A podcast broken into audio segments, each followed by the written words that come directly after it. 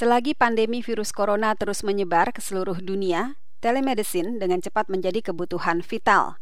Ribuan rumah sakit di Amerika, Eropa, dan Tiongkok sekarang memberi pasien kesempatan bertemu dokter melalui telepon video. Zhou Jian adalah Direktur Rumah Sakit Pusat Suhui. Patients need to limit the number of their visits to the hospital and the time they spend waiting in lines, especially during a pandemic. Pasien harus membatasi jumlah kunjungan ke rumah sakit dan waktu yang dihabiskan untuk menunggu, terutama semasa pandemi. Konsultasi online membantu meredam pandemi dan mencegah penyebaran virus tersebut. Namun, ada kelemahan dalam pemeriksaan dokter secara online. Diagnosis yang akurat menjadi lebih sulit.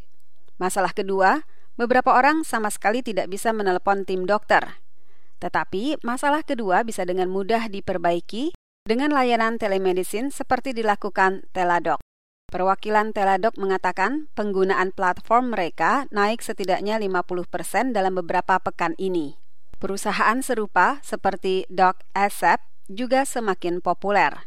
Bunit Masyenwari, CEO Doc Asap, mengatakan, uh, We did two things. One, we built a platform that covers capabilities to reduce friction kami melakukan dua hal. Pertama, membangun platform yang mencakup kemampuan mengurangi friksi dalam mengakses tim medis yang diinginkan. Kemudian, pada sisi lain, kami membuat sistem yang mempertemukan tim medis dan perusahaan asuransi sehingga kami mampu menyelesaikan masalah secara lebih menyeluruh. Platform seperti itu memudahkan pasien membuat jadwal konsultasi, mengubah jadwal pertemuan dengan dokter, melihat rincian asuransi kesehatan, serta berkonsultasi dengan beberapa spesialis.